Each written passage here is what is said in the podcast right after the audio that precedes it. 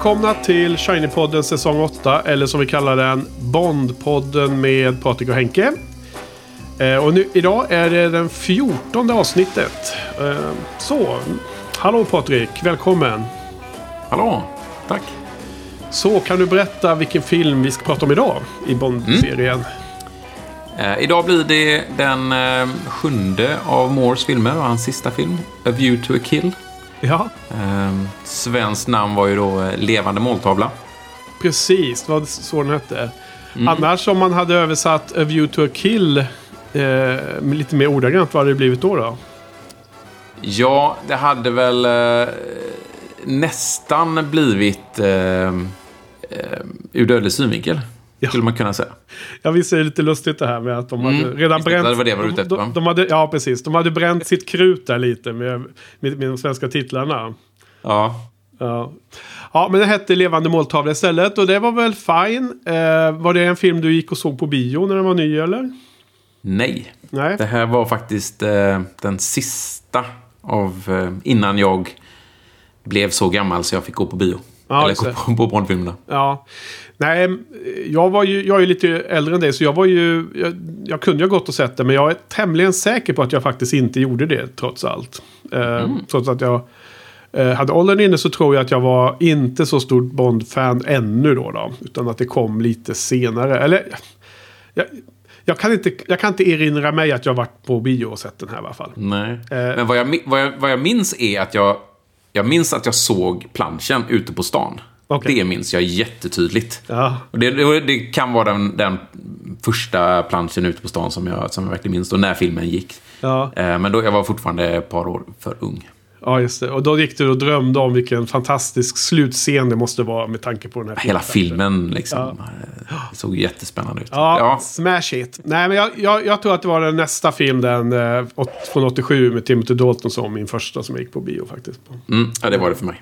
Ja, lustigt. Men du, vi ska på överväldigande publik... Eh, eh, krav här ifrån våra lyssnare köra en eh, topp tre, en top of my mind idag igen. Härligt. Härligt. Eh, förra veckan med Octopus så hade vi ju så, så diger lista av saker att gå igenom med, med våran lilla eh, deathmatch med Never Never Again. Så vi skippar ju den då. då, då.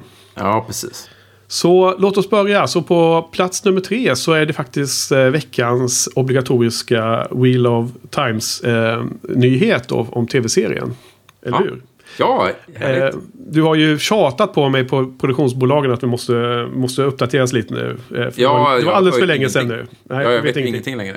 Nej, men det är faktiskt ganska bisarrt. Eh, inte bisarrt, men det är, det är väl tråkiga alternativt helt okej nyheter. Men med tanke på att det ökar så mycket eh, corona nu i Europa och inte minst i Tjeckien så har, har de självmant, produktionsteamet, valt att eh, avbryta inspelningarna igen. Eh, och återuppta inspelningarna i april nästa år. Aj då, men de hade inte så mycket kvar av säsong ett att filma va? Han de med någonting? Exakt. Det, och det, först så blir alla, alla fansen blir liksom, fick ju sån här mentalt breakdown på Twitter och sådär. Ja. Men sen så börjar några säga att ja, men de fick ju ungefär en månads spel, inspelningstid nu då.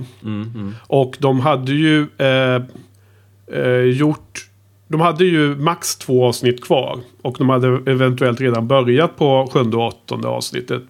Men vad, vad man tror sig veta är att eh, under förra långa breaket under sommaren och hösten, början på hösten, så har de alltså gjort klart de sex första avsnitten med all postproduktion och allting som behövs göras.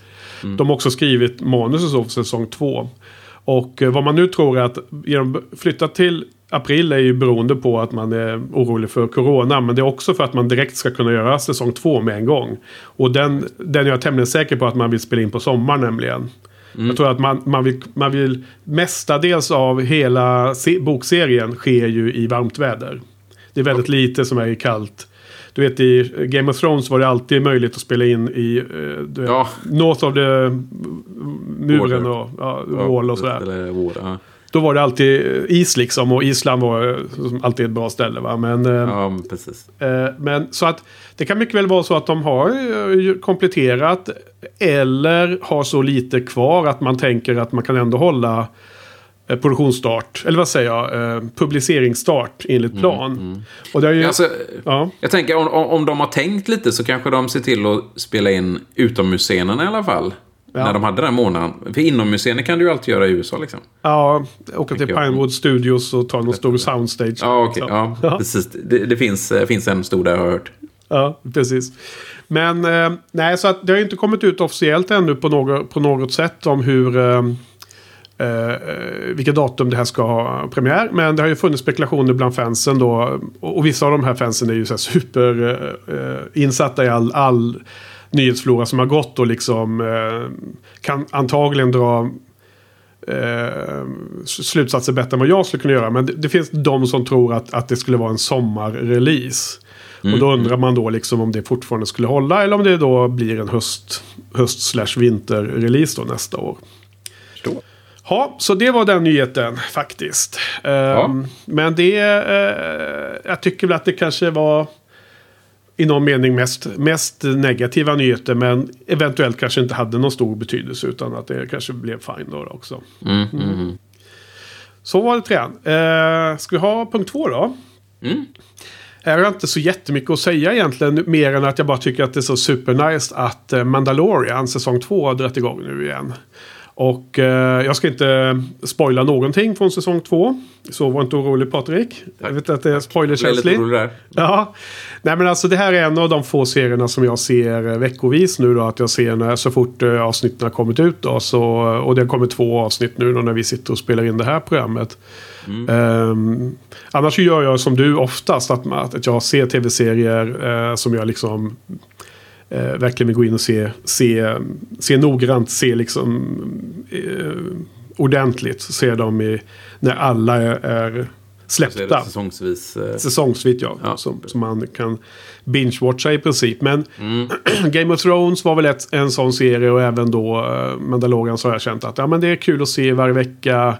Smälta avsnitten, eh, kanske hänga med lite på snacket på Twitter och sådana saker. Va? Mm, mm, mm, mm. Och, och även i, i vissa fall eh, kunna liksom följa podd och så. Även om jag inte lyssnar på någon podd just den här gången. Nej. Uh, nej, men jag, jag tycker det är så härligt alltså. För, eh, utan att spoila säsong två. Utan mer ref, re, reflektera över, över så- säsong ett. Då, som du och alla som rimligen är intresserade av Mandalorian har hunnit se nu vid det här laget. Så är det bara kul liksom att det är ju John Favreau som hoppar in härifrån. Ja. Eh, liksom en korsbefruktning mellan Marvel och, och Star Jag Wars. jobbar ju på Disney fortfarande då. Så. Ja, exakt. Det är under Disney-paraplyet så börjar man liksom korsbefrukta här nu med uh, Talent. Så jag, jag gillar ju han och honom. Alltså, han har ju en, eh, en... Han är bra på att liksom knyta in i de här världarna som... På, på ett sätt som jag tycker passar mig som fan. Eh, jag kommer ihåg att vi bara häromdagen satt och skrev svar på kommentarer på min filmblogg då med, med Johan där, Filmich, liksom lite om du vet MCU kontra DC. Eh, DC-serier som blir Mm. eh, film och tv-serier. Och att vilken stor skillnad det känns som. Det är som att DC alltid misslyckas på något sätt. Och gör, Ja, gör, gör, Ja, gör de det har- liksom inte bra. Nej, men de verkar inte ha en överordnad plan, eh, DC, skulle jag vilja säga. Det, mm. Så jag, jag måste säga att jag ett, eh, ett plus för Mandalorian. Och eh, så får vi återkomma och snart prata mer om det du och jag Patrik. När, när vi båda har sett hela säsongen. Ja, absolut. Jag, eh, jag har ju sett säsong ett. Jag, jag ser ju, även om jag inte är en jätte-Star Wars-fan så ser jag i princip allting. Eh, Jag är inte jättebegeistrad över den här serien. Mandalorian ser väl kanske det, det coolaste folkslaget, så att säga. Eller rasen i, i Star Wars. Och ehm, ja, slutscenen på säsong ett var ju helt fantastisk eh, med Darksaber och allt det. Men, eh, Ja, just det. Ja, Jag har ju inte ens sett de där tecknade serierna som jag tror du har Nej, sett. men de är bättre än vad man tror. Eh, Inte Ja. alla, men, men definitivt. eh, Men då måste jag, nu är ingen av oss Die Hard-fans på det sättet, men jag måste korri- korrigera. Det var väl inte en ras ändå? Det lärde vi oss i säsong ett att det var ju liksom... Mandalorian var ju, kunde vara vem Jo, som helst. jo, absolut. absolut. En, eh, jag vet jag vet inte Han- nej, precis. Ett- Folkslag, ett, eller ehm. En kultur mer, känns det som, än en ras. Ja. Ja, men det är helt rätt. I, det, det har känts i, i de tecknade serierna så kändes det mer som en, en ras som lever på en planet. Ja. Här i, i den här serien helt plötsligt så kan vem som helst. Men jag vet inte, det kan ju vara... ja, jag vet inte. Jag kan inte spekulera. Men, nej, eh, nej. nej, men... Eh, De är coola i ja, de, det är de. Ja, okej. Men nu kommer vi till punkt ett. Och... Eh, ja, vad har vi på punkt ett? Patrik, för det är en gemensam punkt. Ja, ehm, mellan de här två poddarna då, eller... F- Inspelningen av... Ja, ja, precis, precis. Så nåddes vi av eh, beskedet att eh, Sean Connery hade avlidit. Mm. Så tycker det är bara värt att ta upp det. Det, ehm, det är ändå den första skådespelaren som spelar Bond på filmduken. Ja, Ehm, satte, satte stilen, satte, satte karaktären. Mm, Perfekt från början. Ja, definitivt en av de få människor som gjorde att den här serien fortfarande finns till, skulle jag säga. Ja, Utan hans eh, skådespel så hade det inte blivit långlivat, tror jag. Mm. Lika långlivat. Nej, så att han gick ur tiden och det är ju liksom alltid så här smärtsamt när man eh, själv har nått den här medelåldern där ens eh, hjältar från när man växte upp liksom. Bowie och massa andra. Eh, liksom en efter en ramlar av pinnen eller vad man ska säga. Är väldigt Mm. trist. Nu var ju han jättegammal, va? var han 90 eller något sånt där eller? Ja, precis. Ja, så det var ju levt en länge ändå. Stark skotte. Ehm, sen har man ju känt lite irritation runt eh, förra veckan så dissade jag honom hårt där när han var liksom delaktig i Never Say Never Again. Men nu är allt förlåtet igen för att nu, nu måste vi vara, nu, måste, nu är Rest in Peace och vara, vara liksom eh, ha, ha högaktningen liksom uppe i topp här för att Mm. eh, balansera upp det hela. Vad heter det? eh, Vid sidan av de här sex riktiga Bond-filmerna plus den här fake-filmen då. Mm. Har du sett eh, no- någonting av hans andra filmer som han gjorde? Ja, ja, självklart. Jag har ju sett, eh, jag har sett ganska många. Ganska många. I alla fall eh, över tio i alla fall. Förutom Ja. de filmerna, det vet jag ju. Ja, jag, har inte, jag har inte ja. räknat dem. Nej. Nej, för att jag vet inte. Jag har inte så jättemycket att säga om hans liv och sådana saker. Utan jag hade tänkt som en liten eh, hommage till Sean Connery. Så har jag tänkt eh, göra. Eh, jag, jag har kollat upp. Jag, förutom Bond så är det faktiskt 18 filmer som jag har sett. Så jag, jag, jag tänkte göra. Jag tänkte rabbla en topp 007 favoriter här då. Av hans filmer. I, i eh, stigande ordning. Nej. Kanske, eller är det bara Nej. en... en Jag bara en Utan inbördes. random ordning. Har, Mm. Men du hade också någon topp tre eller vad hade du tänkt dig? Ja, alltså jag eh, och, och som jag såg många med mig på Facebook där eh, såg ju, för att hedra, hedra honom då så såg man ju en, en Sean Connery-film på Ja. kvällen när man fick reda på det då. Ja. Ehm, vilket jag givetvis gjorde. Och då tog jag ju den som jag tyckte kanske är hans bästa film. ja. Och det är ju Highlander. Okej. Nice. Nice. Ehm, mm. Ja, Hur men var det? ju en sån S- riktig- Stod den uppe? Som, var den bra fortfarande? Ja, men det tycker jag. Det tycker jag faktiskt. Ja. Och sen, sen slumpade det sig faktiskt att, att jag såg antagligen eh, typ när han dog. Vi delade, delade upp den här filmen i två delar. Och så såg faktiskt jag och dottern Indiana Jones och det sista korståget. Just det. Eh, på, om det var nu var fredag kväll och lördag eller någonting sånt. Mhm. det- Fick dela upp den här. Ja, just det. Det, vis, det visste jag att du skulle göra. För ni, ni kollar på indiefilmerna nu med Mm. dottern. Så det råkade sig ju slumpa sig att vi såg den. Precis Ja. då. Det är dock inte en av de topp tre skulle jag vilja säga. Men jag tycker han gör en väldigt bra... Eh, han gör det väldigt bra där. Ja, men det är en underhållande film måste man ändå säga. Oh ja, oh ja, absolut. Eh, Som, vad- som nästan alla eh, Indiana Jones-filmer är. Ja, precis. Men jag tycker tvåan är lite jobbig att se. Det är Ja, för mycket skämskudde kudde där med vissa saker. Ibland ja, men eh, det är lite Indiana Jones. Hur, eh, hur tyckte dottern om eh, den filmen? Jo, hon, hon, tyckte, hon tycker om eh, princip alla de här Indiana Jones-filmerna. Så att, eh, Mm. nej men det... Hon gillar det. gammal är hon då? Sju eller åtta och sånt där eller? Nio. Nio, nio, okej. Mm. Ja, men vilka är dina andra två då på topp tre vid sidan av High? Ja, eh, sen, sen ehm, så bestämde jag mig även för att se Jakten på röd oktober någon dag senare. Ja. Så de, film, de filmerna hade jag hemma på DVD, då, eller Blu-ray vad det nu är. Eh, sen hade jag tänkt att se den tredje filmen på min topplista, Rosens namn. Men den hade jag inte hemma och den fanns inte på någon av de streamingtjänsterna jag har. Så att Oh no. jag fick skippa den. Men det är, det är väl de tre som är min, min topp tre med Sean Connery utanför Bondfilmerna. Nice. Ja, alltså jag... Jag hörde ju att han hade gått bort. Jag eh, planerade inte att se en eh, Sean Connery-film eh, för att hylla honom så. Men jag råkade se en, nästan hela Jakten på Röd Oktober. För jag gick på någon tv-kanal den kvällen. Mhm. Så jag, det är en sån här film som du vet när man börjar se, oavsett var man är i filmen. Så eh, fastnar man alltid. Mm. Det är en sån Den är film. bra. Ja, den är väldigt bra. alltså. Eh, den är väldigt bra och jag, det var väldigt tidigt i filmen så jag, jag kan säga att jag nästan eh, 100% deltog i den eh, världsomspännande eh, manifestationen att se Sean Connery-film. Nej men så mina topp 7, 007, är, innehåller alla de tre som du nämnde. Mm. Och den första jag har skrivit på min lista är ju Highlander och sen The Name of the Rose. Det är de två. Sen Ja. är det också The Hunt for Red, Red October med. Men sen har jag... Eh, det är bara ren lättja och nöje här. Det är Indiana Jones and the Last Crusade som du nämnde också. Ja. Det är den eh, härliga actionrullen med, eh, som heter The Rock. Det är ju så jäkla tänkte, jag nice. tänkte den skulle vara med. Mm. Ja, den är ju otroligt skön. Det är... Eh, en, som jag för mig... Eh, oklart om den håller än idag, men som jag då tyckte var en gravt underskattad science fiction som heter Outland. Mm. Eh, Jag har sett nå- den, men jag kan inte komma ihåg den. Han är någon slags polis som får åka upp till en rymdstation för att utreda ett mord. Ja. Eh, och jag tycker den är riktigt nice. Ja, Den men det- typ det kan tidigt mycket väl 80-tal. 81 Ja. eller sånt där.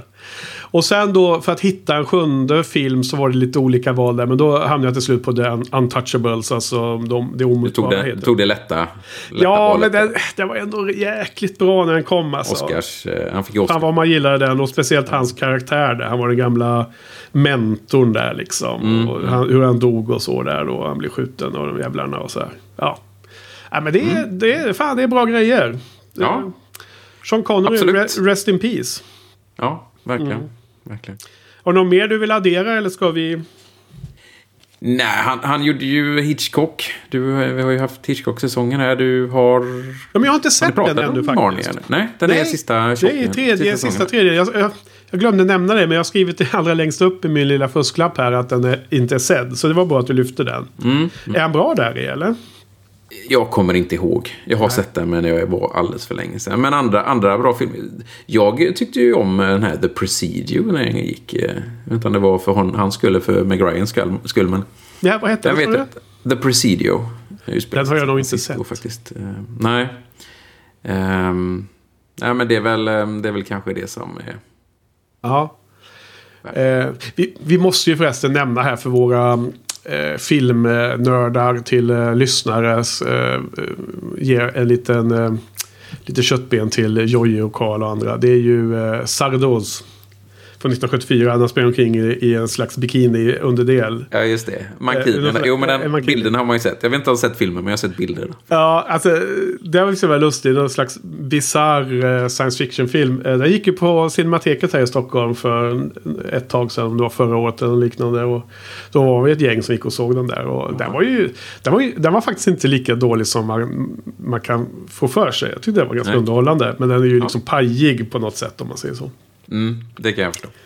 Ja, det är väl lite lustigt. Eh, Man, ser eh, James Bond är en väldigt udda utstyrsel och en udda roll där. Mm. Han är super, supermanlig i den filmen i, i, storyn. Som Så han att, alltid eh, är. Som han är ja, så han passar in på det sättet. Mm.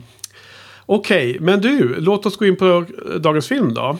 Vad kul. Mm. Hello. I thought you might like to join the party. By the way, the name is James St. John Smythe. I'm English. I never would have guessed. Really? Monsieur? Eh, eller är det verkligen kul? Ja, det är en bra fråga faktiskt. Det här kanske inte är top of the line av uh, James Bond-filmerna. Det kan man ju inte säga.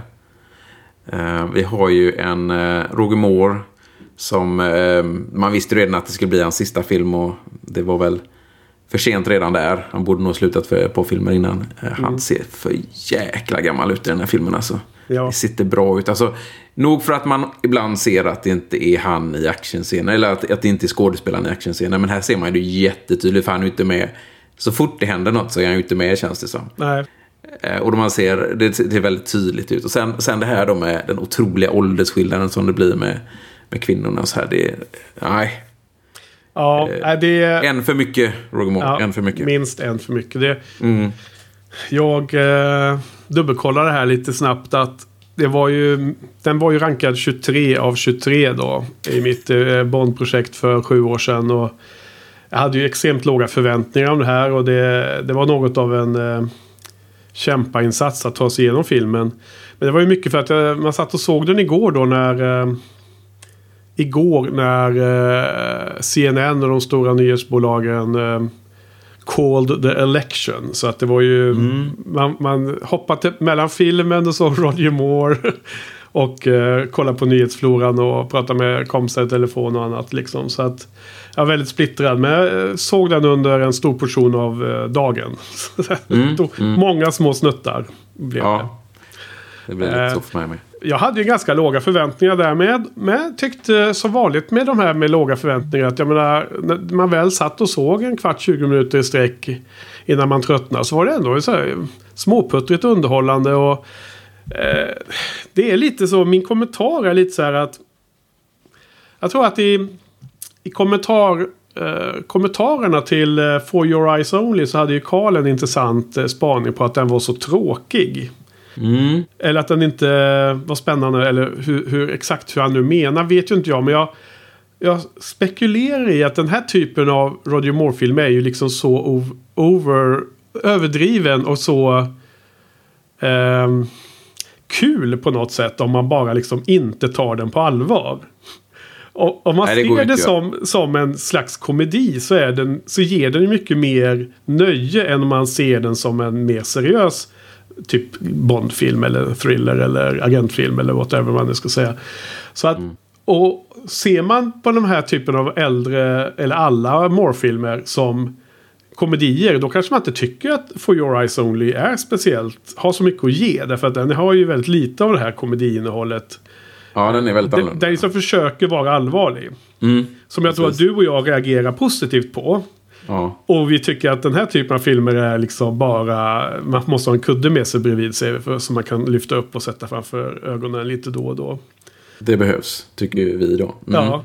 Så att det är min spaning. Får väl Karl... eh, Kan kan ju inte gå i svar här nu då. Och kanske var orättvist att... Eh, nämna om vid namn här i min lilla spaning. Men han får väl svara i, i kommentarerna. Jag tror Karl Mm. kan, kan eh, är okej med att vi, vi Det- resonerar Han, han eh, runt. klarar nog det. Ja, precis. Ska jag skicklig. skriva något, något skarpt svar där. Ja. Eh, om, det, om det var felspaning.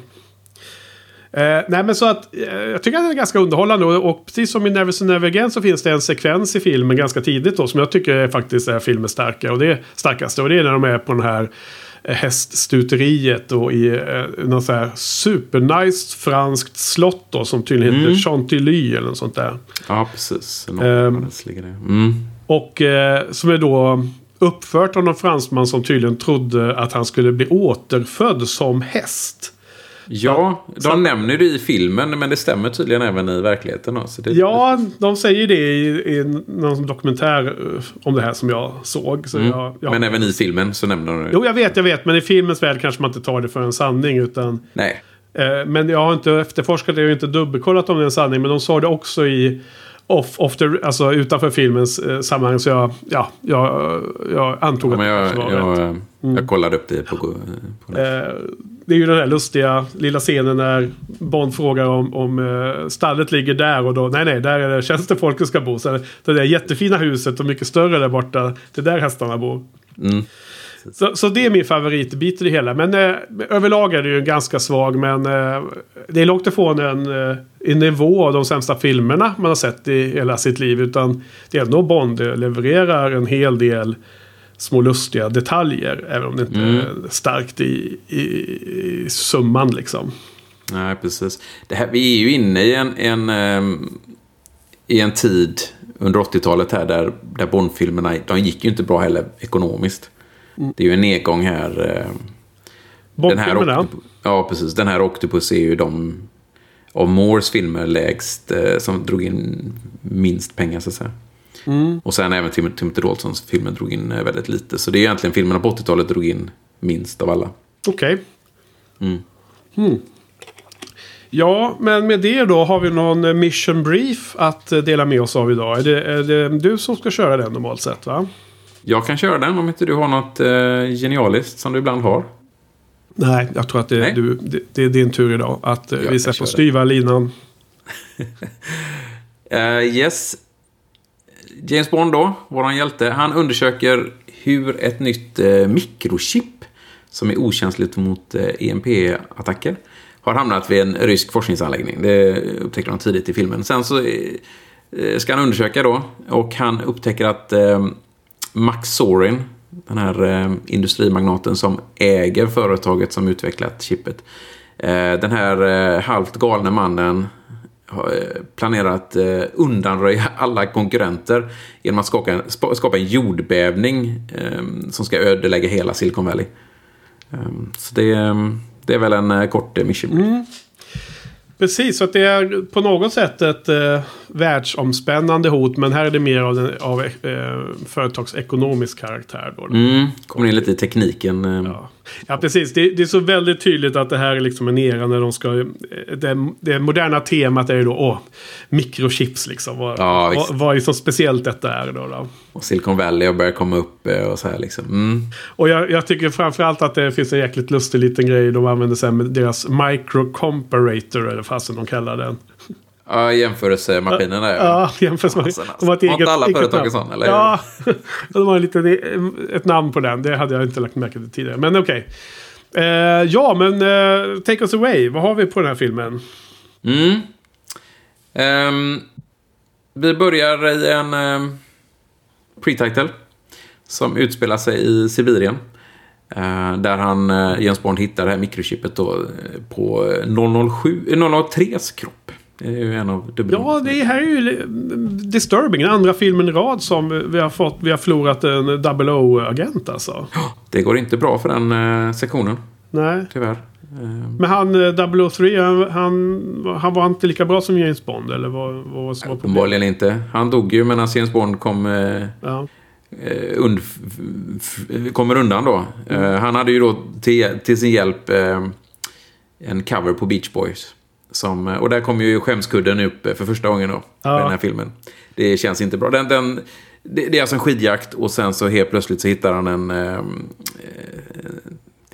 en, en, vad heter det? en skida under en sån skoter. ja, en sån använder, som skena. man, mm, precis, som man använder till... Ja, vad heter det? Eh, som en ski, skiboard va? Ja, precis. En board. Skate... Inte, ja, precis. Ni vet vad det handlar om. Ehm, och då helt plötsligt så ehm, drar de eh, paralleller till eh, surfing och eh, kör en Beach Boys cover. Ja. Och då blir det, man tas helt ur jakten. Det blir inte alls spännande längre. Wow. Det blir bara fånigt. Det, det känns lite jobbigt. Ja, alltså jag tycker det är lite lustigt det här med att... Eh, och jag har nog tänkt på det tidigare också. Men att det är inspelat på Island eh, i en lagun som skapades när en eh, glaciär flyttade sig för många år sedan. Runt, om det var 60-talet eller något liknande.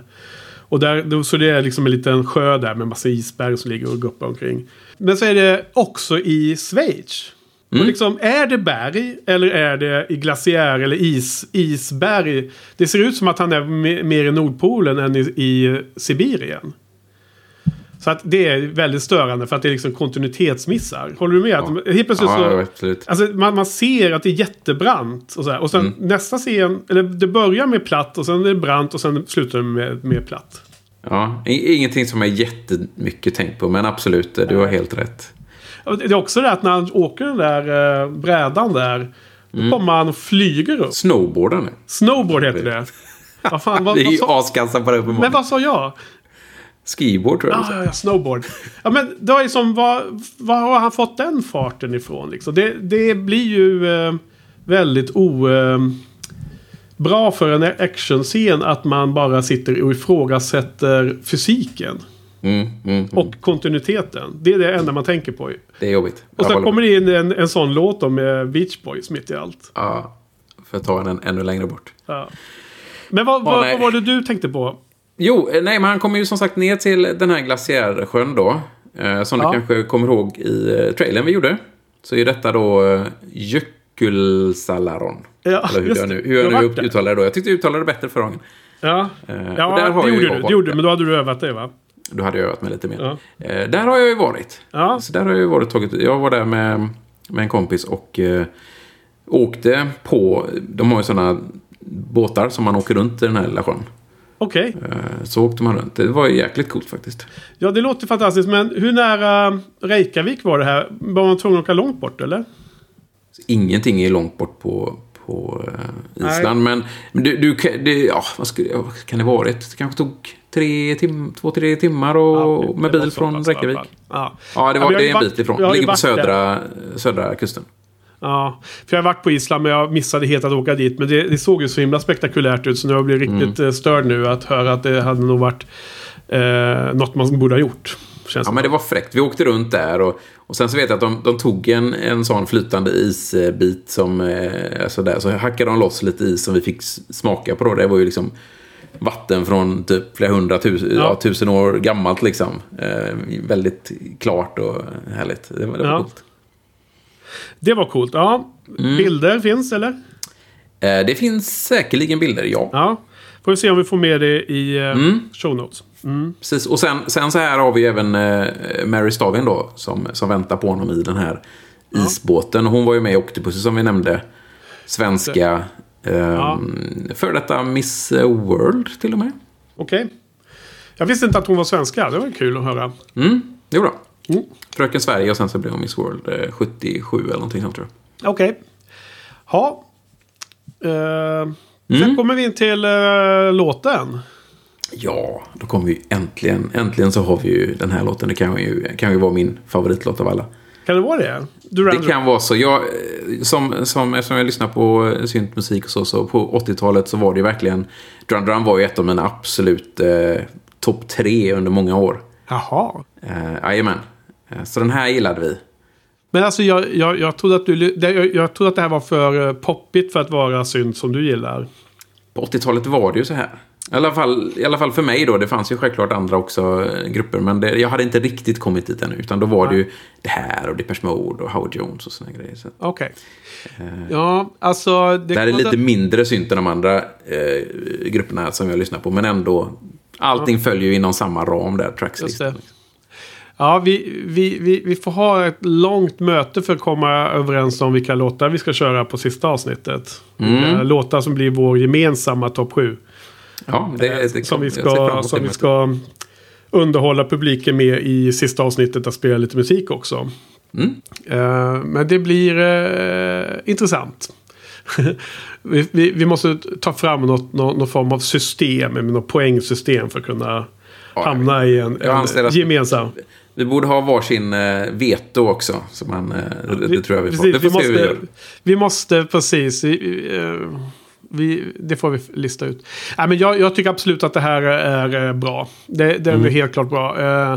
Jag tror inte att jag hade den som nummer ett när jag gjorde min ranking för sju år sedan. Jag, jag har inte Nej. dubbelkollat. Men jag vet minst en som jag tycker är bättre. Eller Mm. några.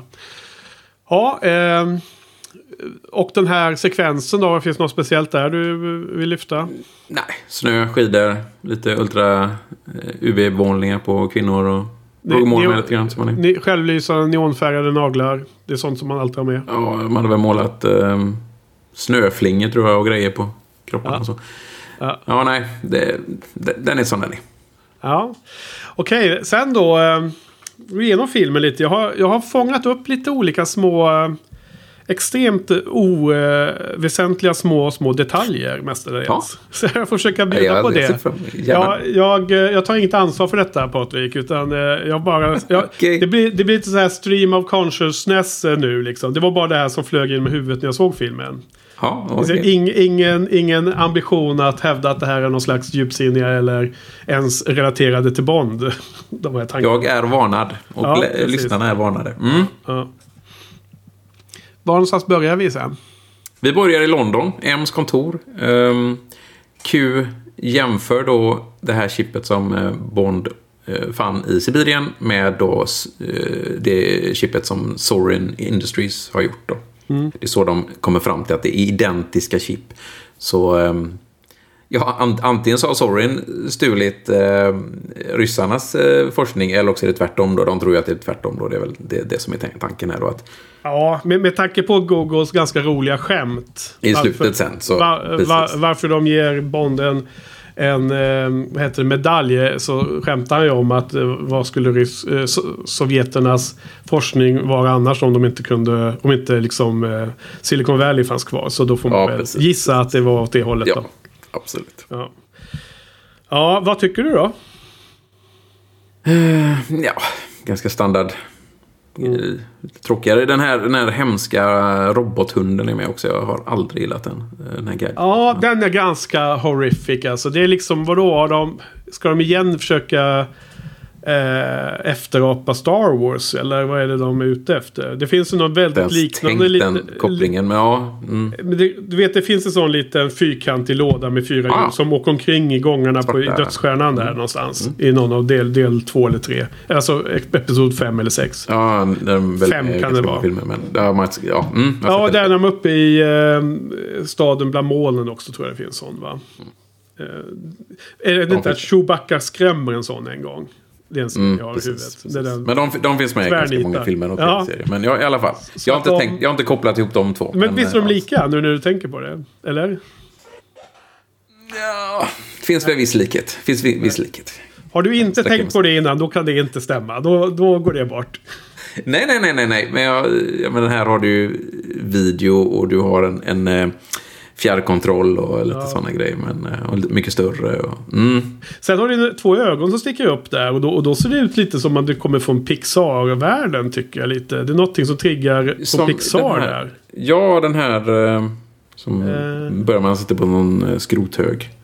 Wall-E. lik den. Wall-E, ja. Eller är det inte lite lik den? Jag har inte tänkt på det. Ja, jag vet fan. Eller Det är. Wall-E. Det är något som, är, eh, som, jag, som triggar det. Men jag, jag, Ja, jag har inte ja. heller tänkt klart den tanken uppenbarligen. Nej. Nej, men, eh, nej, men det här var, jag har skrivit ner och följande kommentarer. Dels att alltså, jäkla nice London är egentligen. Eh, ja. De, de zoom, zoomar in där på de här vakterna och sen ser man de här byggnaderna. Eh, Jättegamla stora stenbyggnader. Och det, man blir bara så jäkla vad fint det är London. Äl- älskar London. Skulle vilja åka dit. Men eh, vi är där vi är i pandemin nu. Vad kommer vi sen då? Jo, ehm, vi, mitt band har ju en jättefin hatt. Och den tar de med sig till Ascot. Kapplöpningarna på Ascot. Ja, det är också en trevlig scen. Det gillar jag. Jag har aldrig varit där. Har du varit på Ascot? Nej, jag har aldrig varit där. Uh, hästkapplöpning är inte min grej, men man har ju talas om det här att det är fina kläder och absolut fina hattar och sådana grejer. Så det, Ja. det är väl kul att de, eh, de är där. Eh, Fan, vi skulle åka dit någon gång och gå och hyra en sån där mundering. Sån där, där ljusgråa, eller blå, nästan blåaktiga eh, munderingar och hattarna och du vet slips och västarna och allt. jag är på. Jag är på. Definitivt. Det var jättekul. Ja, det var en kul grej. Ja, men det, är- det är så roligt när de börjar där att alla står och tittar på, på hästkapplöpningen. Så, så Ja. står två personer och Bond och Ja. TM tror jag va? Som står åt helt andra hållet och Ja. med kikare. Ja, det ser inte konstigt ut alls liksom. Eh, Folk borde ju reagera. Ja, precis. Eh, Och där lade jag märke till en extremt lustig liten grej som nästan var en av de roligaste sakerna i hela filmen. Som jag inte vet om du... eh, Du måste väl ha sett det. Men precis när de klipper till den här scenen, precis innan man ser att Bond står och tittar åt fel håll. Då, så, då håller ju Miss Moneypenny på att heja på sin häst som hon förlorar pengar. Då säger han Come on, Fluke! Move your ass! Move your Ja, ass, säger den är hon. jätterolig. Ja. Tänker på den varje gång. Ja, exakt. Och det, det är lite lustigt. Och det, det är out of character får man en känsla av. Det är ja, roligt. Mm. Nej, men det är en trevlig miljö, men det är ganska kort där. Vad, han, Ja, kommer precis. sen? Vi, vi får i alla fall träffa Soren och Mayday lite grann. Men även Tibbet som då kommer följa med oss om en, om en stund i filmen. Ja, men Sir Godfrey heter han väl, va? Sir Godfrey Tibbet. Tibbet är hans eh, eh, undercover-namn i, i filmen. Ja, så är det nog ja. Så är det nog ja. Eh, och det här är ju då Patrick McNee som spelar honom. Ja, Och det är ju då den manliga huvudrollen i den gamla tv-serien Avengers. Ingen filmserie, utan den gamla tv-serien Ja, Avengers. okej. Som, ja. som vi har ju... Där, där tog de ju ett par um, kvinnliga huvudrollsinnehavare. Ja. Både Honor Blackman och Diana Rigg. Och nu har de då även tagit den, han som var den manliga huvudrollen. Så det är kul. Okej, coolt. Nej, men för han är ju supertrevlig och det är en av de här eh, medhjälparna som man sörjer mest för när han liksom blir dödad. Verkligen. Eh, och, eh, till och med Roger Moores James Bond ser ju allvarlig ut för några sekunder i hela den här filmen som är två timmar och tio minuter. Var det, var det värre? Hade han en större respons nu än, än Ferrara i For Your Eyes Only? Jag tycker Ferrara var ännu mer. Du vet det här vi pratade om att det var så obegripligt varför han Eh, men Tibet tycker jag att det, där är det mer... Det borde vara mer. Eller ja. Ja, han... ehm, ehm, precis. Det är en väldigt kort scen, men det ges inte utrymme för att kunna agera på den uh, ilskan. Liksom, Nej, lika mycket. Därför att filmen är eh, en komedi istället för en eh, drama. ja, och den går vidare väldigt snabbt. Ja, nej, men det, det är kul att han introduceras där. Men där introduceras ju också Monsieur Aubergine av alla namn. Ja, i Paris säger jag. Ja, Jag tänkte också kommentera på det namnet liksom. Av Ja. alla namn. Nej, han, är eh, just det, han nämns där va, på Ascot. Och så ska de Ja, och åka sen till så Paris. åker de, åker de till Paris, till Eiffeltornet och träffar Ja, så är det ja. Aubergine. ja varför Eh. kallar man en karaktär för det? Ja, men det, det är ju som du sa, det här är kanske mer en komedi. Ja. Och då är ju Aubergine kanske ett jätteroligt eh, fransliknande namn. Det, det är jätteroligt av de här britterna att eh, så mycket som möjligt förnedra fransmän. För det är alltid ett generellt världsomspännande skämt. Ja, i, i den brittiska världen Ja. i alla fall. Ja. Mm. Ja, ja precis. De, de tycker det. Ja, men det är ju Precis. det är allmängiltigt roligt skämt att eh, vara lustig över fransmän. Precis. Ja. Precis, men då så zoomar de in på Eiffeltornet då. Vilket är Mm. helt i linje med eh, filmseriens eh, op Opera Mondus, eller vad fan heter det? Deras Mm. eh, eh, sätt att eh, hantera saker och ting. Precis. Eh, så kommer vi till eh, quizen här. Hur högt är Eiffeltornet? I eh, tre värdesiffror i antal meter. Jag... Åh, herregud. Vad kan det vara? 280 meter? Ja, en ganska bra gissning ändå. 324. Ja.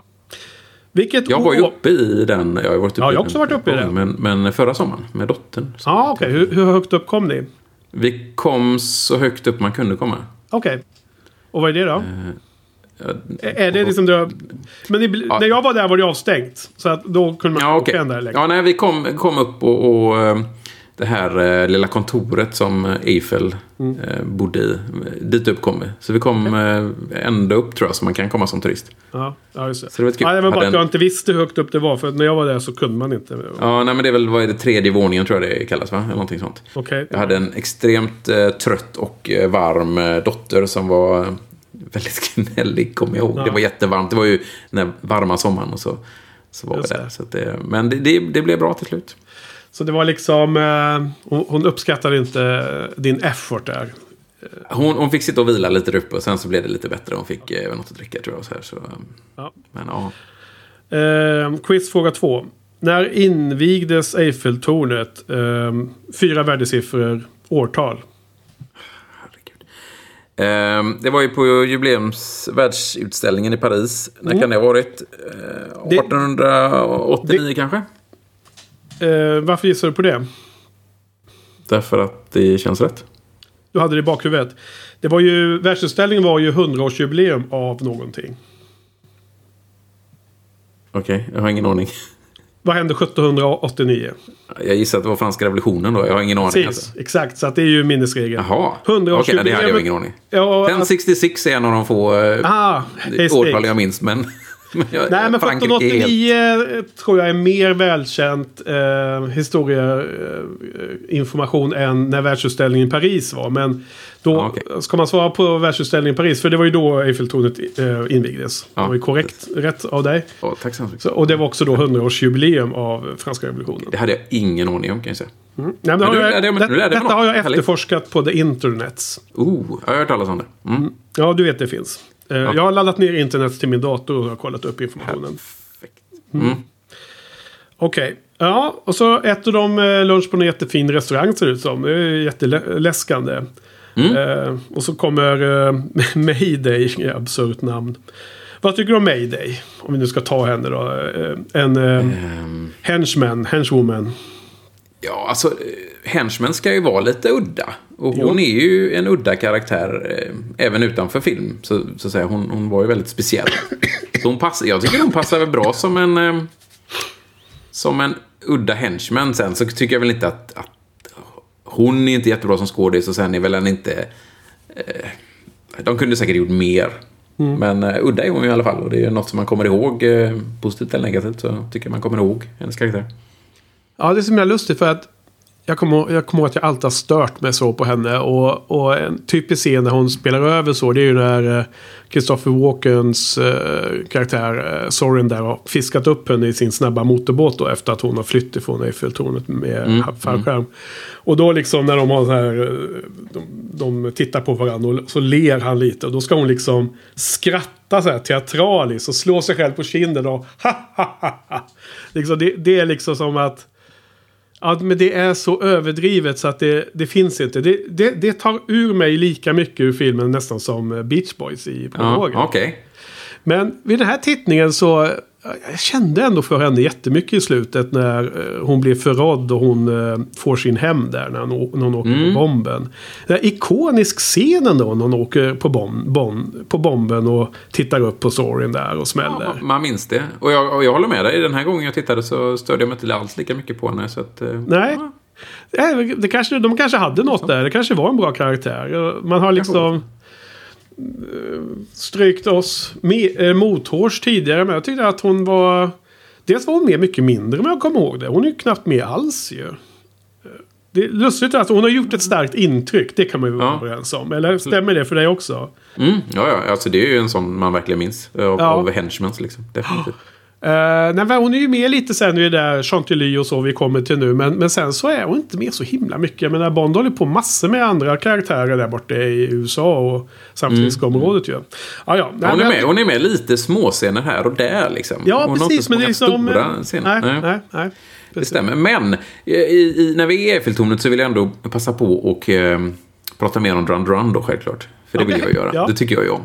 De, de gjorde ju en video, en musikvideo till den här låten. Och den utspelar sig i, eh, på Eiffeltornet. Ja. De använder en del scener från filmen och sen så springer även de fem medlemmarna i, eh, i Drun Drun runt Mm. eh, på eh, Eiffeltornet där då. Ja. Ehm, och någonting som är väldigt lustigt är ju att de har ju med Maydays hopp Ja. från, från eh, Eiffeltornet. Men det som alltid har stört mig i filmen är ju att man ser ju trampolinen som de hoppar från. Jaha. Den syns ju jättetydligt. Du kanske inte har tänkt på, men den syns Nej, inte jättetydligt. på det. Ja, Okej. Eh, Den syns i alla fall jättetydligt i filmen. Det roliga är att i musikvideon så är den borttagen. De har liksom... De har också stört sig på det. Ja, och, då, och det är så roligt att de, de hade tydligen tid och pengar för det och, och eh, ta bort den i musikvideon. Men de, Ja. den är kvar i eh, filmen. Det tycker jag alltid är så lustigt. Ja. Nej, om något så stör jag mig mer på att man ser att hon springer i någon jättetunn klänning och sen plötsligt så har, råkar hon ha en eh, fallskärm också gömd någonstans på ryggen. Ja, det, det, det är sådana där saker som man man får leva med liksom. Jo, precis, precis. Sen är det ju även, eh, den här musikvideon avslutas ju självklart då med, för, för sångaren i Dun Dun heter ju Simon Le Bon. Och då avslutar han ju givetvis med Bon, Simon Le Bon. Så det är alltid lika roligt. Ja. Ja, jag, jag, jag var inte en stor fan av uh, Duran Duran eh, när, vi, när jag växte upp. Men jag, var, jag var ju, lyssnade ju på musik verkligen då på 80-talet när de var så stora. Men eftersom jag alltid har seglat under min uppväxt och stora delen av livet så var jag ju väldigt så här... Uh, lärde känna hans namn mycket väl. För han var ju med i den här Whitbread. Eller ja, Whitbread around the world hette ju då. Nu, numera heter väl Volvo around the world race och sånt där. Ja, precis. Jag bytte namn. Men eh, han seglade på eh, någon båt. Jag har glömt vilken det var. Som han seglade på. Ingen aning. Men jag vet att han säger Ja. Ja, eh, en annan Mm. kul, en annan eh, bisarrt, eh, nästan dålig scen är ju när Bond eh, snor den här bilen från taxichauffören och åker omkring och som blir sönderslagen och sen delad i hälften och så här. Och det är också så här pajigt. Det är fan Ja, det är ju. jättepaj. Och det här är ju ett av de där man verkligen ser att det är ju inte han som kör överhuvud. Alltså han är ju inte ens Ja. lik, känns det som. Och, och just den här bilen går sönder hälften, hälften liksom hela tiden. Och ja, det är jättedåligt. Ja. Nej, så att det är liksom en sån där eh, absurt dåligt val. Eh, I en slags försök att sträcka det här till jakt eller, eller bara frakt i udda fordon mer och mer och mer. Mm. Eh, liksom att hitta nya vinklar på det in På, absurdum. på en biljakt då. Ja, precis. Vilket är kul att de försöker göra, men de misslyckas ju totalt här då. Med, Ja, men okej. Ja, ja, jag kan ge dem cred för att de försöker. Men alltså, det är inte good enough om de väljer så här usla eh, lösningar. Här måste jag först och främst göra en shout-out till Frans. Som, eh, eh jag kom på det till slut här att det var ju Frans som var fadern till det. Till det, den underkategori i mina bloggposter för sju år sedan. Den här Jaktudda fordon. För det var jag var och hälsade på Frans eh, under tiden det här eh, projektet gick. Och då såg vi två filmerna ihop. Då, då.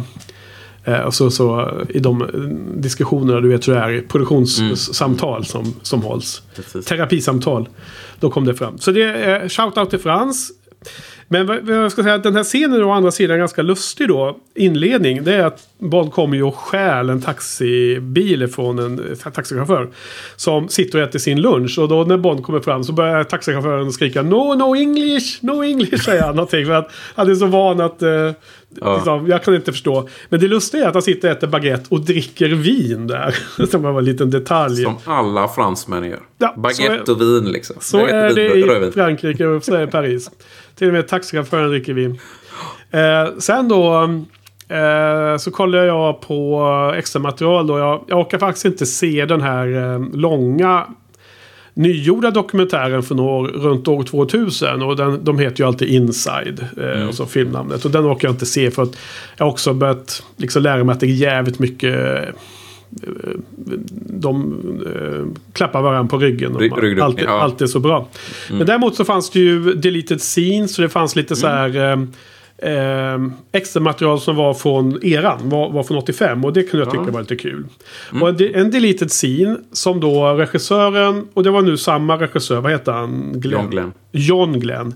John Glenn. ja. Han, han presenterar dem det lite scen och förklarar varför de inte kom med. Och då har vi en scen, du vet, när Bond har gjort allt det här så har han då tydligen... Alltså när han haft den här biljakten i Paris. Då har han tydligen spenderat natten i finkan. Och sen har... Sen kom han ut eh, från finkan tror jag. De kommer ut och kommenterar att nu har det kostat 6 miljoner franc för att fixa det här. Och då finns det en scen innan de kommer ut i sitter i bilen. Det vi får se så får man se när han är inne på polisstationen. Och kommer ut ur själva finkan i polisstationen. Och går fram till polismannen som då eh, ger dem alla sina prylar. Inklusive hans klocka och lite andra saker. Och då sitter en polisman där. Eh, och då så säger John Glenn att äh, men jag, jag tyckte att den här scenen blev för pajig. Fast engelska säger han. Och det är så påminner lite om Inspector Clouseau. Så att liksom, därför tog jag bort den här scenen. Och så sitter man och tänker, ja men hela biljakten var ju Inspector Clouseau. Va, varför Ja. var det bara den här lilla 30 sekunder scenen som han då tyckte inte funkar? Jag, jag blir så förvånad bara. Jättekonstigt. Okej. Mm. Och, och- men det var en ganska kul extra scen ändå för att då tar han upp, polisen skälper ut allting som Bond hade på sig och då är det bland annat en klocka. Tar han upp den och så drar han ut så är det en sån här vajer, du vet, i Mm. knappen. Som, Red, som Red Grant hade. Mm, då, då säger Bond så här, from Russia, with love. Med en lång. Ja, paus. Och då förväntar jag mig nästan att varje pryl att han ska kommentera med en filmtitel. Men det gör de ju inte. Så bara det var hål i huvudet jag började med. Jag hade kunnat gjort Mm. en sån där rekapitulation, du vet. Lite så här Mm. fanservice. Men det gjorde de inte. Utan han, han, polisen pilrar vidare och så hittar han ju en eh, cigarettändare som han, som han testar. Och då har den så hög låga så att hela hans ögonbryn blir svådda. Och det är väl det då som är den här pajiga grejen i det hela. För han, han blir liksom så här nervös och så kör han ut Bond och de andra som eh, hämtar Bond. Ja, okej. Så att, ja. Den var väl liksom inte superrolig på något sätt. Men den var ju minst lika... Alltså den, den, den hade ju varit bättre än biljakten om man säger så. Ja, alltså John, John Glenns kommentar att det blev för pajigt. Det, känns, Ja. det är ju det roligaste av allting. Med Ja, tanke det på hur det. filmen är. Det är det ja, exakt. Och så. Och nu vet jag inte när, när jag ska få med den. Så jag säger det nu när jag kommer ihåg det. Det finns också intervjuer med Roger Moore on, on location. Någon sån BBC-inslag från 85 eller så. Och då så sitter Roger Moore och säger en helt absurd grej. Som nästan stör mig lite på. För jag som trodde att Roger Moore var en ganska cool snubbe. Liksom att han som privat var okej och så här. Han var charmig och trevlig och så. Han sitter och säger så här. Ja, i den här filmen så har ju inte James Bond så mycket dialog. Så, så därför så drar jag ut på dialogen. Så när, när Bond ska presentera sig så säger jag så här. My name is Bond. James Bond. Men i, i manus så står det My name is James Bond. Det låter jätte... Det kan ju inte stämma. Jo men Eller liksom- det, det är på Blu-rayen. Jag såg det Det igår. är- Alltså, vi vet ju att Roger Moore är ju en, en lustigkurre och skämtar. Det måste ju vara ett skämt. Det alltså, måste vara superironiskt. Ja, det måste ju vara det, för annars blir det ju bara konstigt. det, det, det är inte så att det är som i någon kontext som antyder att det här skulle vara en ironisk Nej, nej. kommentar. Ja, ja, mycket, Ja, mycket. väldigt udda. Jag, jag tackar dig för att du erbjuder någon form av förklaringsmodell. Jag ska titta om på det och se om det, Det enda jag kan, om han det är det är, jag kan tänka mig. om han är det, det ironisk där. chans att, att du har ju Ja. eh, Richard Maybaum som har i princip varit inblandad i alla manus i alla år. Ja. Och sen Michael G. Wilson som är uppväxt med Bond. Att, att de skulle göra en sån miss, det, det finns ju liksom... Liksom att, att det skulle vara Roger, Sir Roger Moore som hittar på detta när det är liksom Sylvia Trench som hittar på det. Mm, mm. Ja, det var Ian Fleming som hittade på det i och för sig, men ja, absolut. Ja. Mm, Okej, vi går vidare. Vad kommer vi sen? Eh, sen är vi till det här stuteriet som vi pratade om. Eh, Chateau de Chantilly. Ja, jag Chantilly. Chantilly. Är inte det någon eh, alkoholdryck av något slag? Chantilly. Eller? Ja, alltså det är ju ett område eller en stad i Frankrike. Så jag tänker att alla, alla små Ja. byar har väl sitt eget lilla vin. eh, Det, så det finns säkert något jättefint vin Ja. därifrån. Det gör det säkert. Och där träffar vi väl egentligen alla karaktärer som är med i resten av filmen. Ja. Allt från alla henchmans till eh, ja, Stacey Sutton då som är Bondbrud nummer ett. Då. Stacy Sutton. Yes. Jätte Hon är härlig. Hon är härlig ändå. Inte ett dugg. Eller, ja, alltså om man tänker så här. Jag, eh, om man bara tittar på manuset så är det säkert helt okej. Jag menar, du har en eh, högutbildad kvinna som eh, sköter sig själv, tar hand om familjeföretaget och försvarar sig när det behövs. Eh, så på manusnivå så låter det väl ändå helt okej. Däremot så är det ju katastrof totalt katastrof eh, med, med fel skådespelare och, och liksom den här Tanya Roberts är ju... Jag, jag säger så här, det här är ju... Det här, jag, jag har alltid utmålat henne som anledning till varför folk ser ner på Bondbrudar. För den här karaktären är verkligen nidbilden av vad många tycker är mm det värdelösa med Bondbrudar. Ja. För här, hon, spe, hon, det är ju så fruktansvärt dåligt alltså.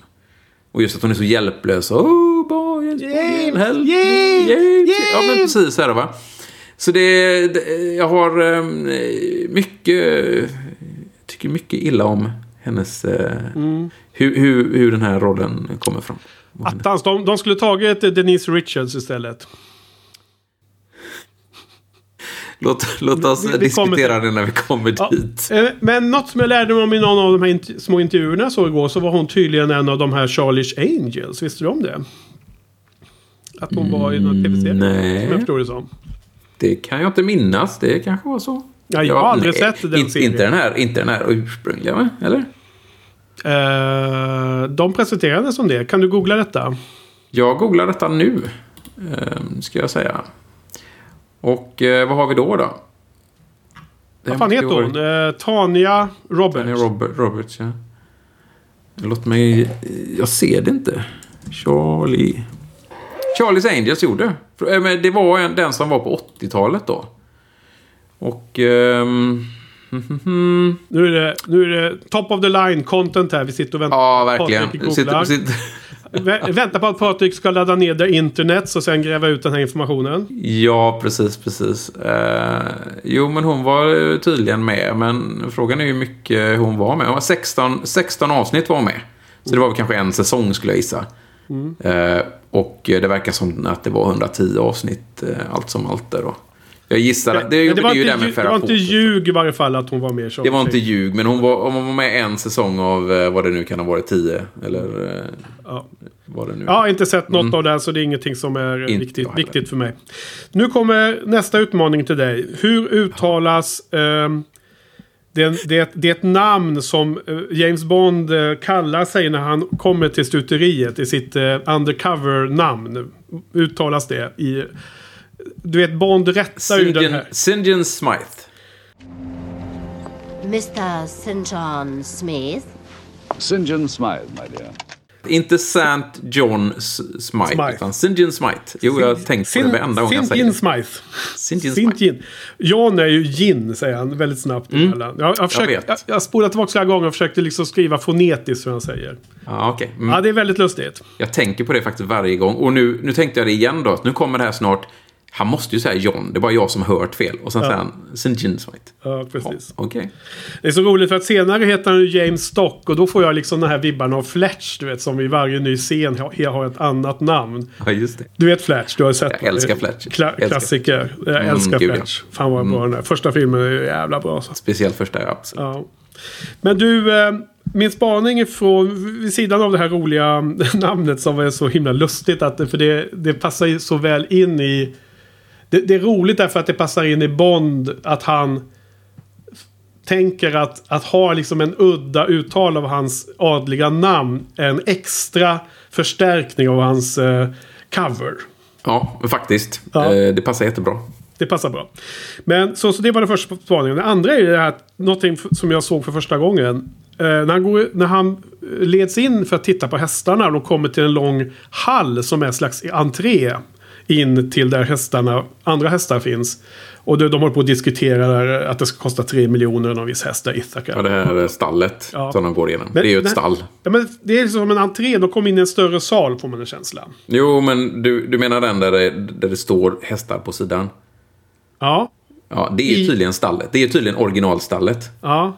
Eh, Jag höll på att googla lite på den här eh, slottet och det, det, är tydligen, det, det är tydligen, det var där hästarna stod på. Ja, men, men det andra rummet är kanske där en slags inomhusbana som de kan motionera Mm. precis. sig. Men de kommer in till ett större rum och Det någon här gången. de, mm. Exakt.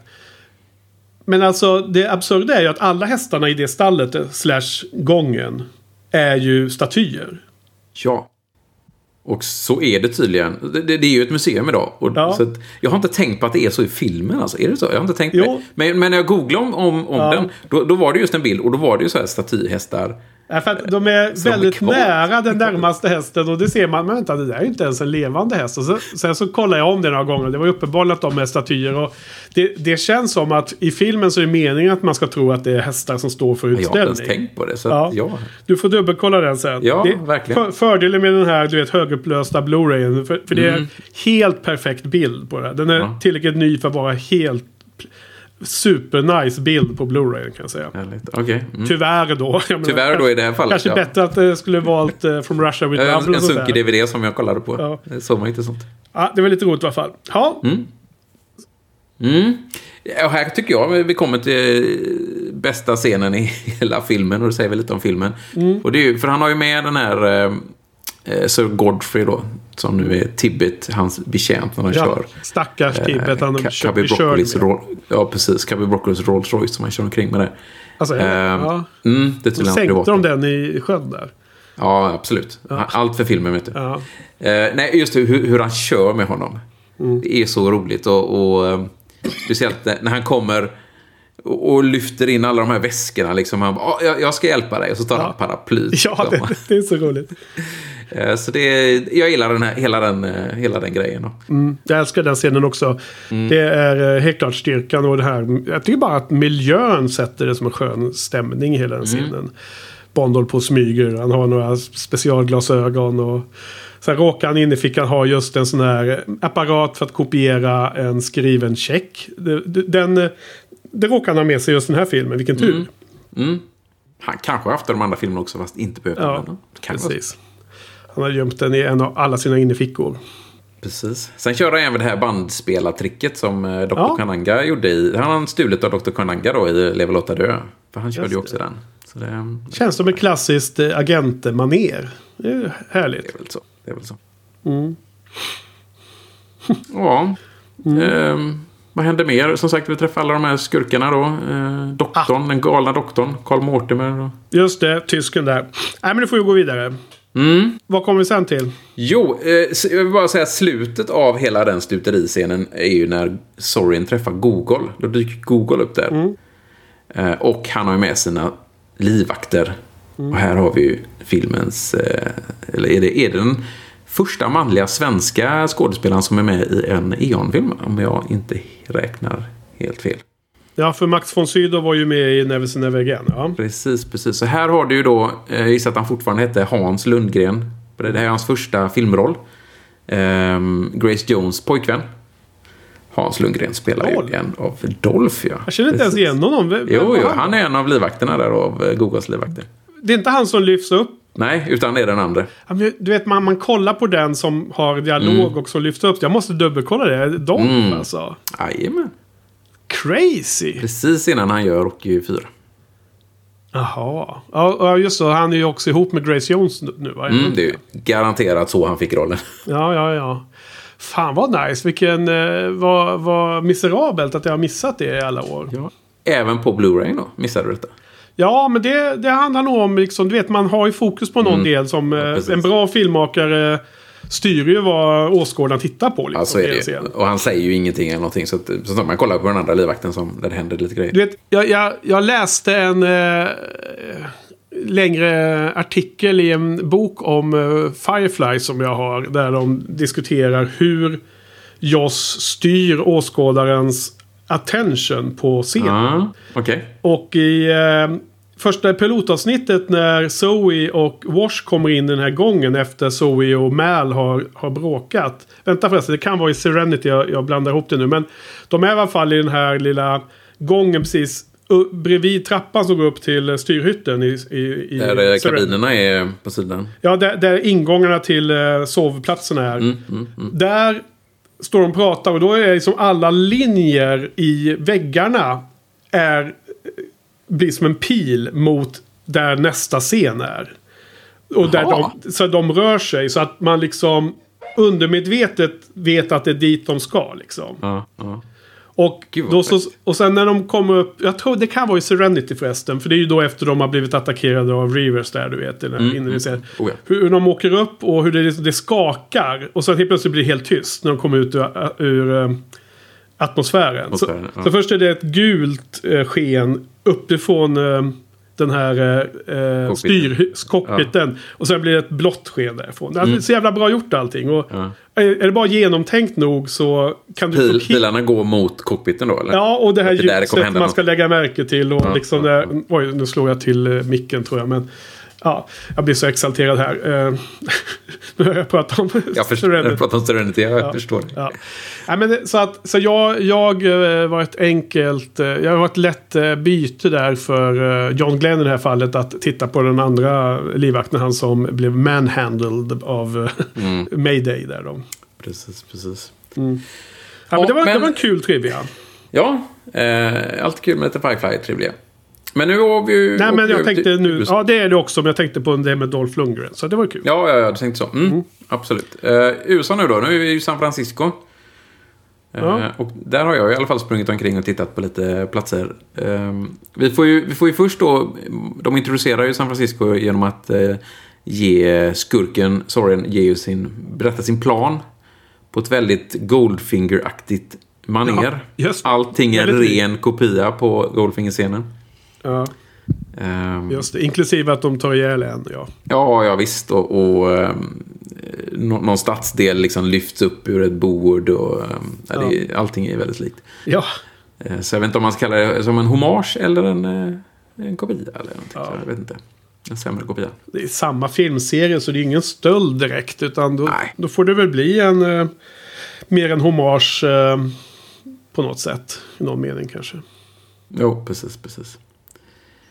Eh, nej, men vi... ehm, vad händer där? Han träffar den CIA-agenten. Vid... ehm, Ja, vad det heter? Fisherman's Wharf, har du varit där? Warfare. Ja, där har jag varit. Jag också. Jag Har har du tagit en del kort eh, just eh, på den eh, bryggan tror jag de går på. Mm. Om jag minns rätt. Um, träffar ju även eh, den ryska agenten Paula Ivanova. Ja, exakt. Det var ju en eh, scen som jag helt hade glömt av. Jag tyckte det var en ganska härlig scen. Är det är det en karaktär vi har sett tidigare, eller? Nej, det är Nej. inget. Det är bara något nytt. Hon är ju med ganska kort dessutom. Hon Alltså- är inte med sen ändå. Är hon inte väldigt lik Kina Easton till utseendemässigt? Jo, Det var något jag fick med. Det är kort Stämmer. hår, i ganska runt ansikte. Jag, jag tänker Kina Easton, du vet som... eh, från förra, från förra, förra filmen och man hade den där singeln och allting. Så jag bara tyckte, wow, det ser ut som henne. Ja, hon är lik. Hon har ju en väldigt rolig liten line där. Are you all? The bubbles tickle my Tchaikovsky. The bubbles tickle my... Tchaikovsky. ja, jag tror att eh, kanske om vi har tur så klipptes det in här vad hon sa. Det var roligt. Eh, jag har en spaning här då. Eh, den här ryska agenten som eh, blir eh, fångatagen av eh, Sorins folk. Mm. Medan eh, Ivanova hon kom ju undan precis som Bond då, sim-. Men den här manliga agenten. Han liksom, vadå, trodde att han skulle överleva där? Eh, de säger så här, desarmera den här minan. Och han bara, okej det gör jag. Det kanske går bra för mig sen. Hoppet är det sista som överger han, vet du. Och sen så blir han dödad av dem då. då. jag menar, säger han bara nej, jag tänker inte desarmera. Då hade ju liksom, då hade han ju upp, uppfyllt sitt, uppfyllt sitt eh, uppdrag på något sätt. Att Mm. stoppa uh, Zorins... eh, för nu Han hade ju... inte stoppat honom ändå. Jag, menar, om det var, jag, jag vet inte om det var en tidsbestämd mina eller någonting. Då kunde de bara slängt iväg den. Liksom. Det känns som... Ja, det kanske är så. Men tänk om han hade manipulerat den och sprängt den så hade han... Mm, det var det jag tänkte Sorin var ju så nära där. För att nu har ju då Gogol och KGB blivit pist på Sorin. Nu är han liksom Rogue. Han är en Rogue Mm. De KGB-agent. där, ja. Ja. Det är därför de är där. Och eh, de är inte glada på hans aktiviteter. Nej. Eh, Det är annars en ganska härlig dialog då i den förra scenen som vi, som vi lämnade med när Christopher Walken då som är liksom som bäst när han ska vara som mest galen i den här filmen. Förutom i den här scenen senare då med uh, skjutvapnen vilket är en helt bisarr scen. Eh, men när, när, när han är galen mot Gogol tycker jag att är- han är ganska skön. Ja. Walken. Ja, Åken är ju... Han, han spelar ju galen. Lite titt som tätt tycker jag. Ja, men han är ju bra. Han gillar ju jag väldigt mycket. Mm. måste jag säga. Vad, vad tycker du om Christopher Walken? Eh, som skådespelare är han... Eh, jo, men han är väl bra. Det känns som han är typecastad lite grann. Eh, just för lite galenskap och lite sånt. Jag vet inte riktigt. Mm. Ja, han, jag har inget emot han alls. Nej. Inte i toppen, men eh, över halvan kanske. Ja, mm, okej, bra. Ja, och sen är det ju då mer i San Francisco och City Hall och så då. Det har du också varit och fotat gissar jag. Ja, jag har varit utanför. Jag har varit inne. Tagit kort på hissen.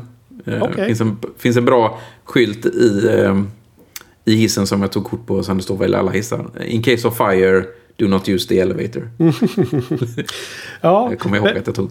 Så. eh, det, det som var lite lustigt med, med någon, någon snippet jag såg här då. Det var ju att det verkligen var on location de, de spelade in den scenen med elden och allting. Mm. Och Det, jag tycker det, man ser det ganska tydligt att det är att det är ingen riktig eller att det är liksom... Eh, Tunnor som står där uppe och bränner. ja, men precis. precis. Ja. Jag tycker det syns ganska tydligt. Ja. Men de fick göra det på riktigt på Ja. det riktiga stället. Så att det var väl en kompensation.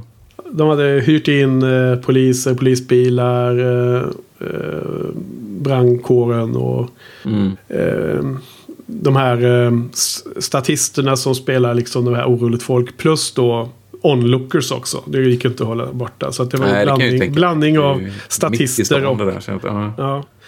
Eh, sen då, hur vanligt är det att sådana här supertjocka vajrar av metall eh, brinner upp sådär lätt?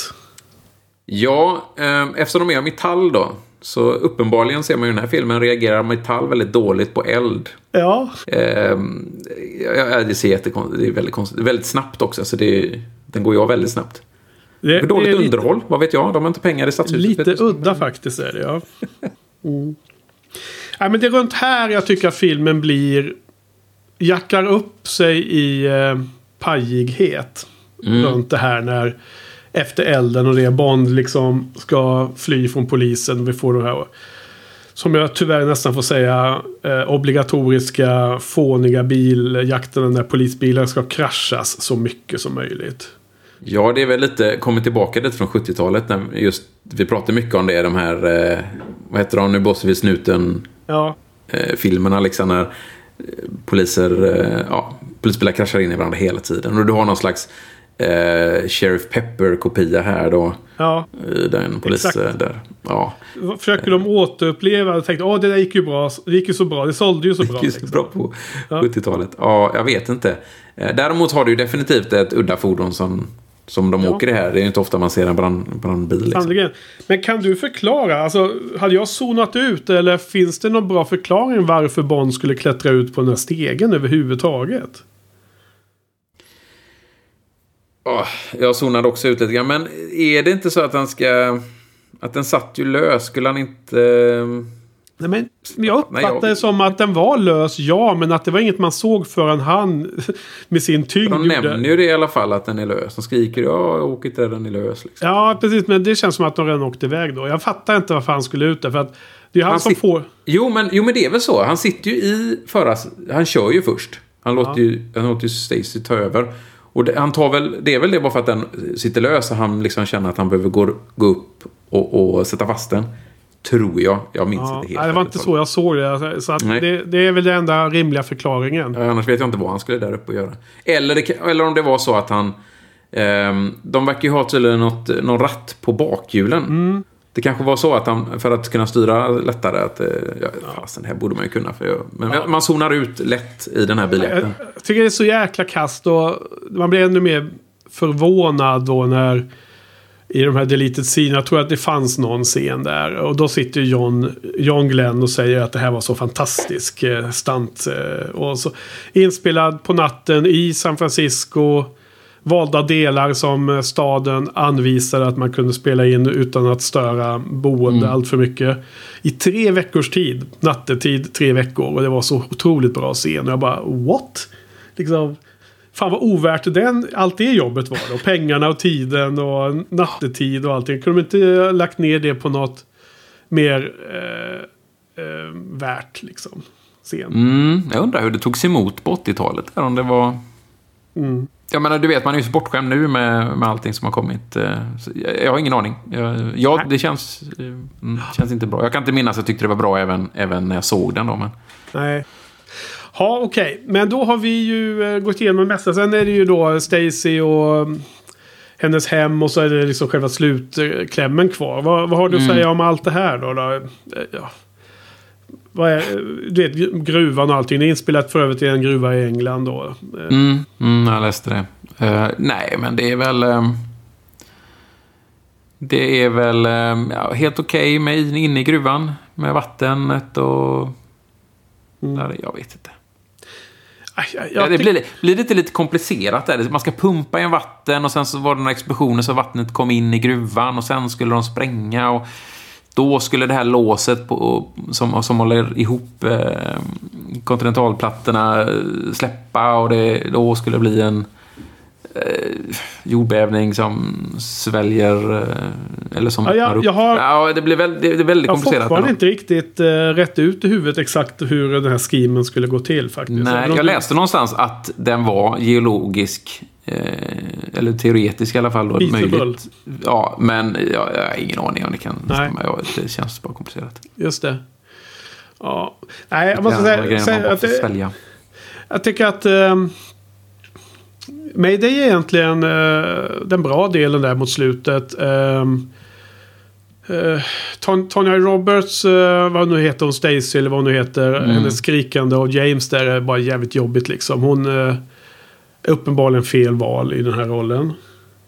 Mm. Tycker inte hon var bra. Och, eh, men men den, den scenen som, som är totalt o, oharmonisk och fel tonalitet för att vara en sån här lite mer skojfrisk Bondfilm. Det är ju den när eh, Sorin och hans eh, närmaste står där med automatvapnen och liksom ska meja ner folk. Och Okej att han är då psykopat och man ska liksom måla upp honom som skurken ännu mer. Och det, det är superfine. Men den, den scenen kunde ha varit väldigt kort och det har givit precis samma input. Nu är det liksom...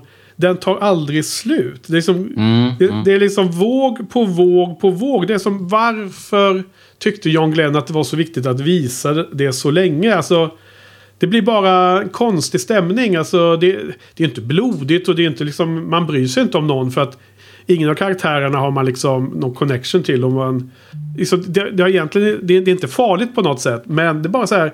Fan vilken dålig scen det blev liksom. Tyckte jag. Mm, ja, jag tycker det är helt okej. Jag tycker, Visst, det är en viss ton- tonalitetsändring, men jag tycker inte den är så mycket så det stör faktiskt. Nej.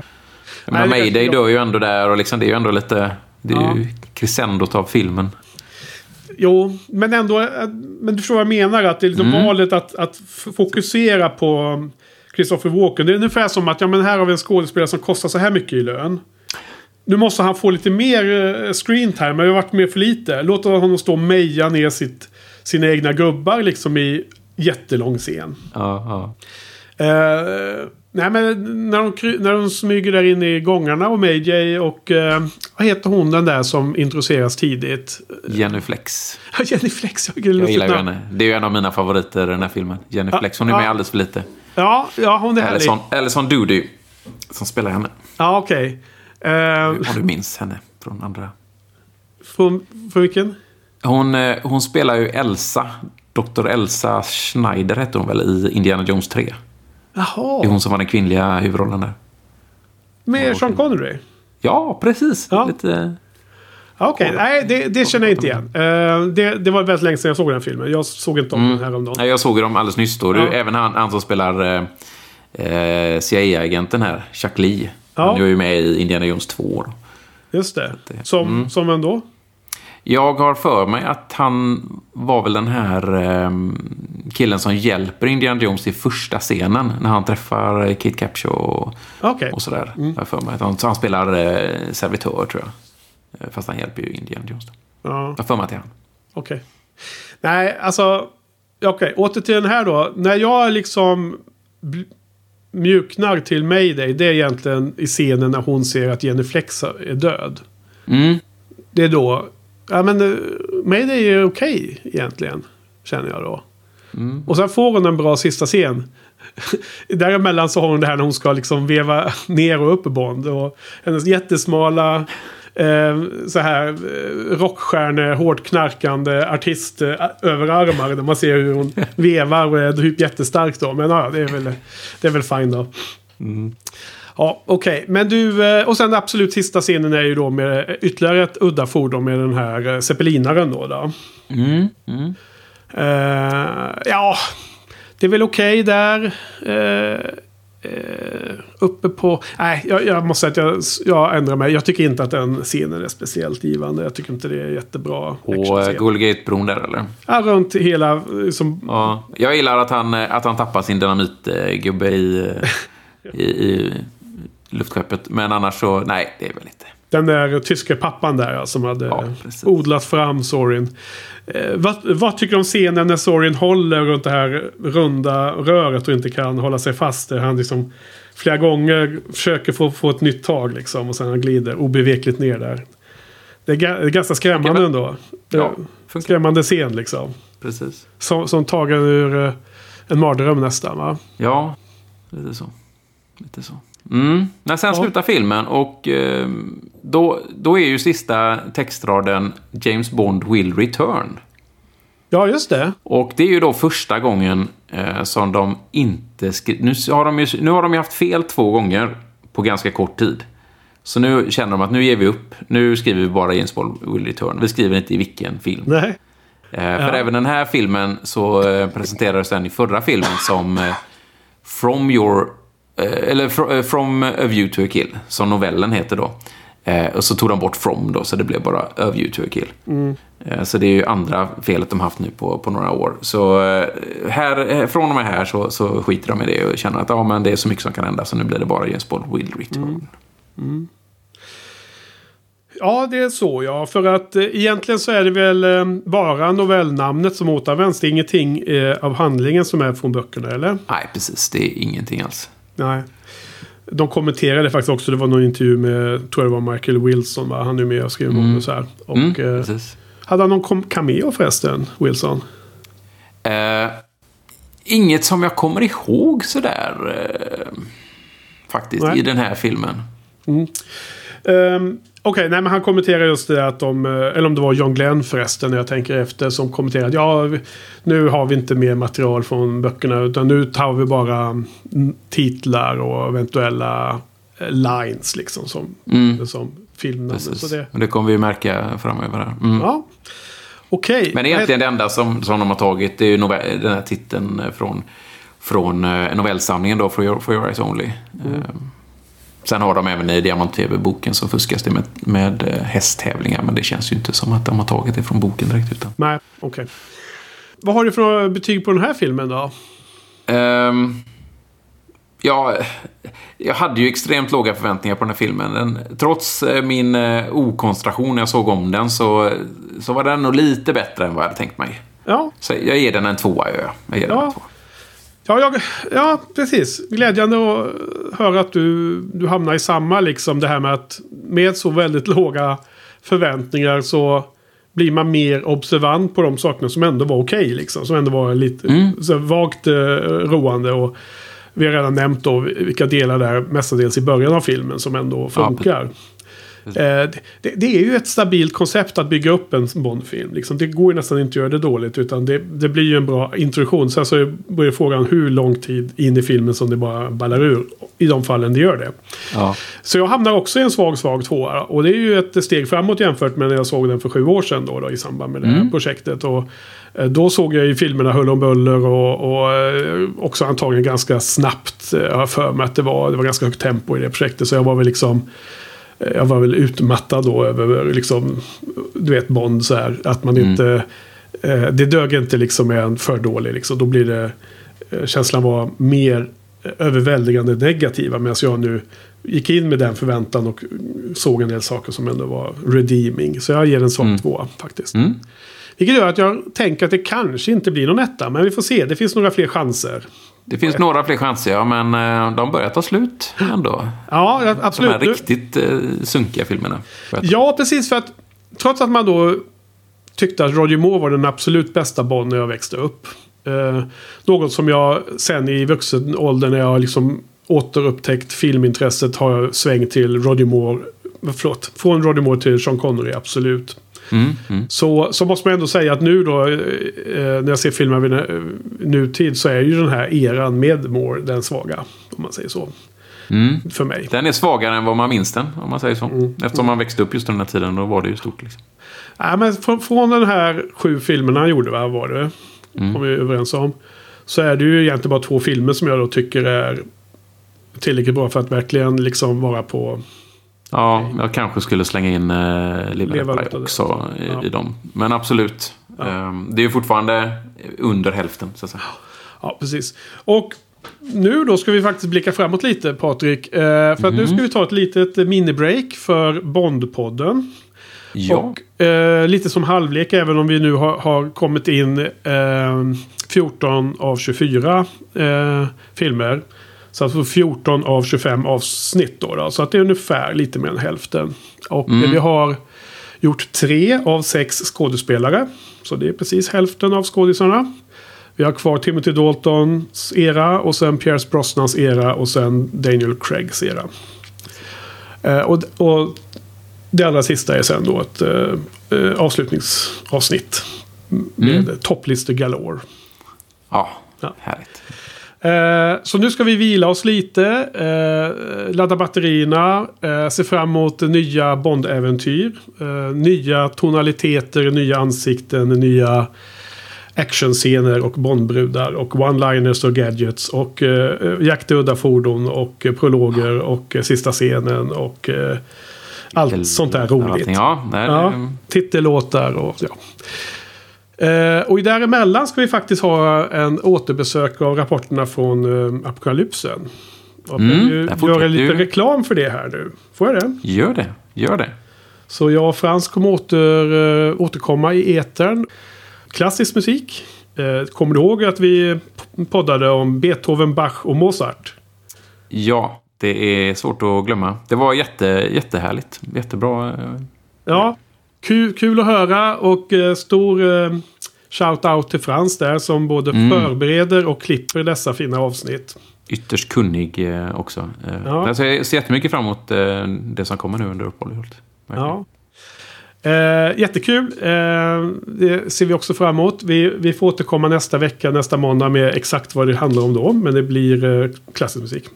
Okej, men eh, eh, efter det så är vi tillbaks med eh, Bond. Och eh, vilken är då nästa Bond-film? Det, är- det är väl Timothy Daltons tid nu va? Ja, nu kommer vi in på Timothy Dalton. Eh, då har vi ju The Living Daylights. Mm. ehm, som kommer. Um, Iskallt uppdrag. Den, eh, Iskallt uppdrag 1987. 1987. Jajamän. Då är vi tillbaks, kommer i, i eh, vad heter det, poddströmmen eller vad det heter i feeden där. Eh, kommer det ut och det blir väl om fyra veckor från nu. Blir det. Från det här. Ja, Ja, härligt. då säger vi så. Bra första, första halvan. Första halvlek. Då, eh, tack Patrik. Eh, bra jobbat. Tack själv. Mycket bra jobbat. Ja, tack. Och tack till publiken. Så är vi på återhörande. Bye, bye. Hej då.